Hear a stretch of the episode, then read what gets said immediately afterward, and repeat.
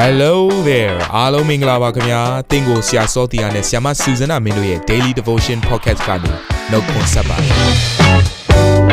ဆရာနဲ့ဆ iam တို့ရဲ့အသက်တာမှာဘုရားရှင်ပြုတဲ့ကောင်းကြီးမင်္ဂလာများစွာရှိပါတယ်အဲ့ဒီအထက်ကပြန်လဲစီးဆင်းတဲ့နှုတ်ကပတ်တော်ကိုဒီနေ့မှနားထောင်ပြီးခွန်အားယူကြမှာဖြစ်ပါတယ်နေ့စဉ်10မိနစ်လောက်အချိန်ပေးပြီးမိမိရဲ့အသက်တာကိုကောင်းကြီးဖြစ်စေမယ်ဘုရားသခင်ရဲ့နှုတ်ကပတ်တော်နဲ့နီးလန်းတွေကိုအတူတကွခံယူကြရအောင်ခင်ဗျာ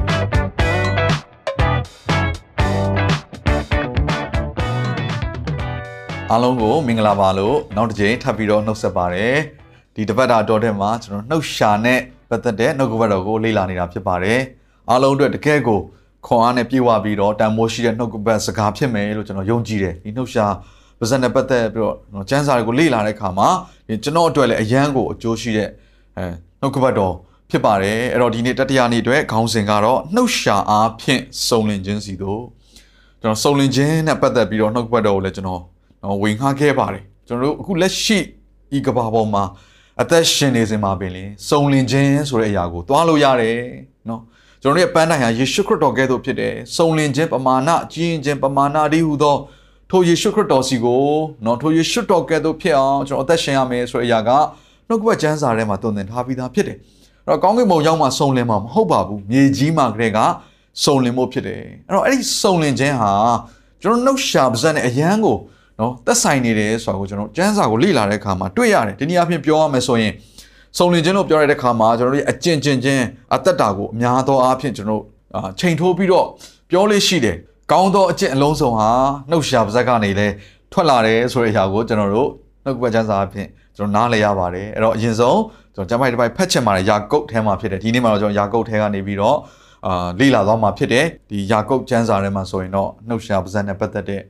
အဲအထူးသဖြင့်စကားတွေနဲ့ပတ်သက်တဲ့အရာကိုတော်တော်များများပြောထားပါတယ်เนาะအရန်ကောင်းတဲ့ကျမ်းစာဖြစ်တယ်ဆိုတော့ယာကုပ်1 26ကနေ29ဖြစ်တယ်ကျွန်တော်26ကိုအရင်ဖတ်ချင်တယ်သင်တို့တွင်အကျဉ်သူသည်သီလစောက်တည်ဟန်ပြုတော်လဲကျွန်တော်အင်္ဂလိပ်ကျမ်းစာမှာဆိုအဲ့သီလဆိုတဲ့အရာလေးကဒါ religion ဆိုတဲ့အရာလေးနဲ့ရေးထားတယ်ဘာသာတရားပေါ့เนาะဘာသာတရားလို့ပြောပြီးဆိုတော့အဆုံးအမအကျင့်အကြံအပြုအမူဓာတ်တွေကိုပြောတာဖြစ်ပါတယ်เนาะသင်တို့တွင်အကျဉ်သူသည်သီလစောက်တည်ဟန်ပြုတော်လဲမိမိနှုတ်ကိုမချုပ်တီး မိမိနှလုံးကိုလှည့်ဖြား၏ထိုသူ၏သီလသည်အချင်းဤတသက်ဖြစ်၏အဲ့တော့သင်ဘာသာတရားနဲ့ဆိုင်တဲ့အဆုံးအမတွေကိုလိုက်စားနေတဲ့လူတယောက်ကြင်ကြံနေတဲ့လူတယောက်ဖြစ်တဲ့ဆိုပေမဲ့လည်းနှုတ်ရှာပါဇက်ကိုသာမချုပ်တီးနိုင်ဘူးဆိုရင်တဲ့သင်ရဲ့ကြင်ကြံပြုတ်မှုတဲ့ຢာတွေအားလုံးကအချင်းဤတသက်ပါပဲတဲ့ဒီချမ်းစာအဖြစ်ကျွန်တော်တွေ့ရတယ်တနည်းအားဖြင့်ပြောရမယ်ဆိုရင်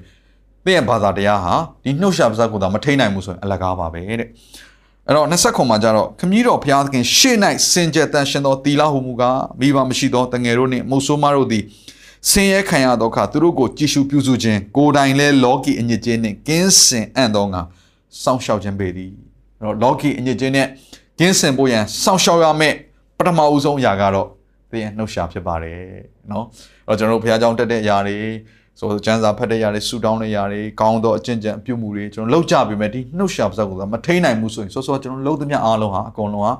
တဲတဲရည်သွန်းမှာပဲအဲ့တော့ဘုရားသခင်နှစ်သက်တဲ့ religion ဘာသာတရားအကျင့်ကြံကတော့ဘာတွေလဲဆိုတော့တဲ့နော်မိဘမရှိတဲ့တငယ်တွေမုတ်ဆိုးမတွေဆင်းရဲခံရတဲ့အခါမှာသူတို့ကိုကြည်ရှုပြုစုခြင်းဖြစ်တယ်ကိုယ်တိုင်ကလည်းလောကီအညစ်အကြေးနဲ့ကင်းစင်ဖို့ရန်စောင့်ထိန်ခြင်းဖြစ်တယ်ဒီနှုတ်ရှာပါဇက်ကိုအရင်ဆုံးစောင့်ထိန်ရအောင်ကဲယာကုပ်3ထဲမှာနော်နှစ်ကနေ9မှာ ငါတို့ရှိသမျှသည်အများသောအားဖြင့်မှားတတ်ကြ၏လူတိုင်းကအမှားနဲ့မကင်းပါဘူးနော်ကျမ်းစာဆက်ဖတ်ခြင်းနဲ့စကားအဖြစ်မှားခြင်းမရှိသောသူမြည်သည်ကစုံလင်သောသူဖြစ်၏ကဲစုံလင်သောသူဆိုတာဘယ်လိုလူမျိုးလဲစကားအဖြစ်မမှားသောသူတဲ့တော့ကျန်တဲ့အရာတွေကျွန်တော်စုံလင်ပေမဲ့ဒီစကားကသွားပြီးတော့မှားပြန်ရင်လည်းမစုံလင်သေးတယ်ဘူးတဲ့အဲ့တော့เนาะကျွန်တော်တို့ဒီနှုတ်ရှာပါဇက်ကိုထိမ့်ဖို့အာဒီကျမ်းစာလေးအပြင်ဆက်ပြီးတော့လေ့လာရအောင်မိမိတကိုယ်လုံးကိုချုပ်တီးနိုင်သောသူဖြစ်၏ မြင်းကိုနိုင်ခြင်းကပါဇက်ကိုဇက်ခွန်တက်၏တို့ဖြစ်၍မြင်းတကိုယ်လုံးကိုလှည့်စေတတ်၏ထိုမှတပါအလွန်ကြီးသောသင်္ဘောသည်ပြင်းစွာသောလေဟုန်နှင့်လွင့်သွားတော်လဲတက်မကင်အလိုရှိသည့်တိုင်ငယ်သောတက်မဖြင့်လှည့်တတ်၏ထိုနည်းတူရှာသည်ငယ်သောအင်္ဂါဖြစ်တော်လဲအလွန်ဝါကြွားတတ်၏အဘယ်များလောက်များစွာသောထင်းကိုအနှဲငယ်သောမီးသည်ညှိနိုင်သည်ကို ကြည်ပါလော့ရှာသည်မီးဖြစ်၏ ဒူးစီယာဤလောကတလည်းဖြစ်ဒါ6ကနေဆက်ပြီးတော့ဖတ်ချင်တဲ့အငယ်6ကနေထို့သောနှင့်ညီရှာသည်ငါတို့၏အင်္ဂါတို့တွင်တကိုယ်လုံးကိုညဉ့်ညူးစေ၏ဇာတိဆက်ကိုလည်းရှို့တတ်၏မိမိသည်လည်းငရဲမီရှို့ခြင်းကိုခံလျက်ရှိ၏တခါကျွန်တော်နော်နည်းနည်းလေးဆက်ပြီးတော့ဖတ်ချင်တယ်တာရဲမျိုးငှက်မျိုးတွားတက်သောတရိษံမျိုးငါးမျိုးတို့ကိုလူမျိုးသည်အောင်တက်သည့်အတိုင်းအောင်ခဲ့ပြီးရှာကိုကအဘယ်သူမျှမအောင်နိုင် မဆုံးမနိုင်သောအစိုးညင်ဖြစ်သေစေတတ်သောအစိတ်တောင်းနှင့်ပြည့်စုံ၏အဲ့တော့အခုကျွန်တော်တို့ဖတ်လိုက်တဲ့ကျမ်းစာလေးထဲမှာရှာကိုပုံဆောင်ချက်၄ခုနဲ့ပုံဆောင်ထားတာတွေ့ရပါလိမ့်မယ်နော်ပထမဦးဆုံးတစ်ခုကတော့မြင်းရဲ့နော်နဖားကြိုးဖြစ်တယ်နော်မြင်းကိုကျွန်တော်တို့ထိန်းချောင်းမို့ဆိုရင်မြင်းဟာခွန်အားကြီးတယ်လူတယောက်နေထိန်းချောင်းမို့မလွယ်ပေမဲ့သူ့ကိုနော်နဖားကြိုးလေးတစ်ခုလေးနဲ့ပဲတခါလဲထိန်းလိုက်ရုံပဲဖြစ်တယ်။တော့ကျွန်တော်တို့ရဲ့အသက်တာမှာလည်းဒီသဘောပါပဲနော်။ရှာကအင်တာမသေးငယ်တယ် သို့တော်လည်းပဲကျွန်တော်ရဲ့အသက်တာမှာရှိတဲ့ခွန်အားအစွမ်းတတိအားလုံးကိုထိန်းချုပ်ဖို့ဆိုရင်ねအဲ့ရှာလေးကိုပဲအရင်ဆုံးထိန်းလိုက်ပါကျန်တာအားလုံးထိန်းပြီးသားဖြစ်သွားတယ်ဆိုတဲ့အရာလေးနဲ့ဒါနိုင်ရှင်ပြထားတာဖြစ်တယ်နောက်ထပ်တစ်ခုကတော့ဗာလဲဆိုတော့တင်းဘောမှာသုံးတဲ့တက်မှာဖြစ်တယ်တင်းဘောချင်းအကြီးကြီးပါပဲတဲ့နော်လေတွေလည်းအရန်တိုက်နေပါလိမ့်မယ်လှိုင်းနေတဲ့ထန်ကောင်းထန်နိုင်ပါတယ်ကျွန်တော်ရဲ့အသက်တာဟာဘာနဲ့တူလဲဆိုတော့ပထမတစ်ခုကမြင်းနဲ့တူတယ်အခုတင်းဘောကဲ့သို့ဖြစ်တယ်ပေါ့နော်တင်းဘောဟာဒါကျွန်တော်တို့ဒီလောကမှာအသက်ရှင်တဲ့အခါမှာ နေရာပေါင်းမျိုးစုံကိုကျွန်တော်ဖြတ်တန်းသွားရနိုင်တယ်နော်လေပြင်းကြုံတဲ့အချိန်ရှိမယ်တခါလှိုင်းနေထိုင်တဲ့အချိန်နဲ့ရှိမယ်သို့တော်လည်းပဲဒီသင်းမောဒီလိုရာခီးကိုသွားဖို့ရန်အတွက်ထိန်းချောင်းပေးလိုက်တဲ့ຢာကအကြီးကြီးမဟုတ်ဘဲနဲ့အဲ့သင်းမောမှာပါတဲ့တက်မသေးသေးလေးပါပဲအဲ့တော့ကျွန်တော်တို့ရဲ့နှုတ်ရှာပါဇက်ကိုသာကောင်းမွန်စွာထိန်းချောင်းနိုင်မယ်ဆိုရင်ကျွန်တော်ရဲ့အသက်တာမှာလဲနော်ဘလောက်ပဲမုံတိုင်းထံစေလှိုင်းနေပြင်းနေပါစေလိုရာခီးနေရာကိုသွားနိုင်ဖို့ရန်အတွက် ထိန်းချောင်းနိုင်သောတက်မကဲ့သို့ဖြစ်တယ်ဆိုတာကိုလည်းနားလဲရတယ်နောက်ထပ်တစ်ခုကတော့မီးတောက်ကဲ့သို့ဖြစ်တယ်တဲ့နော်ဆိုတော့ပူလောင်စရာအကြောင်းအများကြီးရှိတယ်နော်မီးရှို့စရာအကြောင်းမီးလောင်စရာအကြောင်းအများကြီးရှိတယ်ပြောလိုက်တဲ့စကားလေးကတခွန်နယ်ပဲဖြစ်နိုင်တယ်နည်းနည်းလေးပဲဖြစ်နိုင်ပေမဲ့အဲ့ဒါကနော်ဒူပေါင်းမြောင်များစွာရဲ့အသက်တာထဲမှာလောင်ကျွမ်းသွားနိုင်တဲ့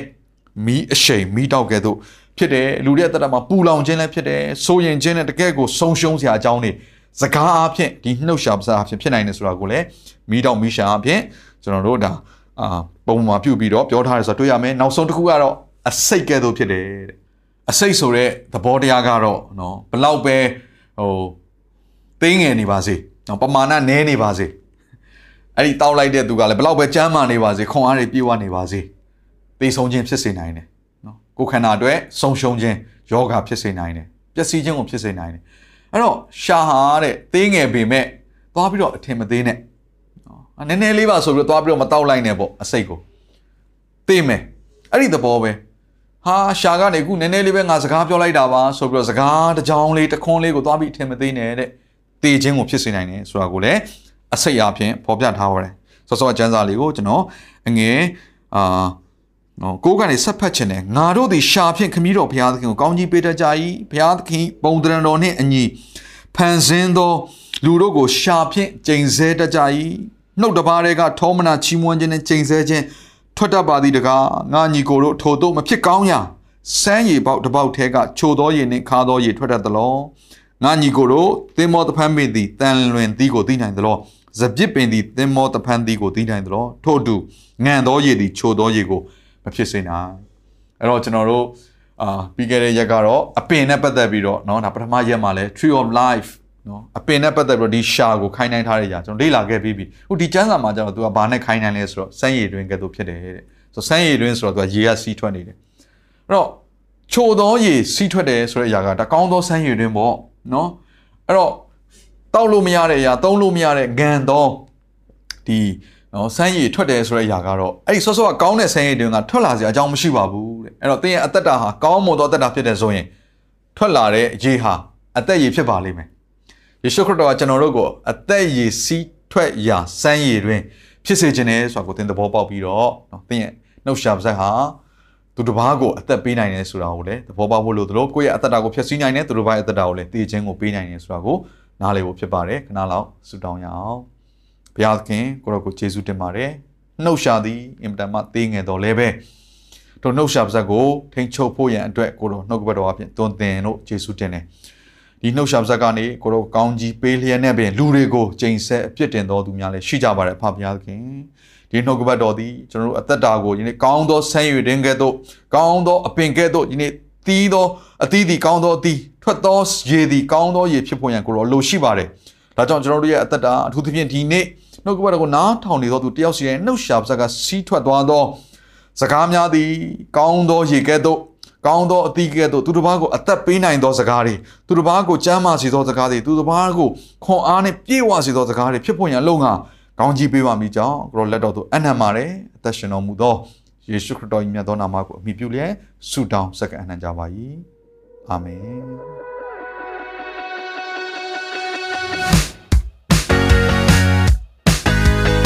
နာတော်တာစင်သူတိုင်းရဲ့အသက်တာမှာကောင်းကြီးဖြစ်မယ်ဆိုတာကိုကျွန်တော်ယုံကြည်ပါတယ်။သင်ရဲ့အသက်တာအတွက်များစွာသော resource တွေနဲ့ update တွေကို Facebook နဲ့ YouTube platform တွေမှာလည်းကျွန်တော်တို့ပြင်ဆင်ထားပါတယ်။ Facebook နဲ့ YouTube တွေမှာဆိုရင် search box ထဲမှာစုစွမ်းနာမင်းလို့ရိုက်ထည့်လိုက်တဲ့အခါအပြရန်အမှန်ချစ်ထားတဲ့ Facebook page နဲ့ YouTube channel ကိုတွေ့ရှိမှာဖြစ်ပါတယ်။နှုတ်ကပတ်တော်တွေကိုဗီဒီယိုအားဖြင့်လည်းခွန်အားယူနိုင်ဖို့ရန်အတွက်အစဉ်သစ်ပြင်ဆင်ထားပါတယ်။ကျွန်တော်တို့ဝိညာဉ်ရေးရာအတွက်အထူးလိုအပ်တဲ့ဖွင့်ပြခြင်းတွေနဲ့ခွန်အားတွေကိုရယူလိုက်ပါ။ နောက်ရက်များမှာပြန်ဆုံတွေ့ကြရအောင်ခင်ဗျာ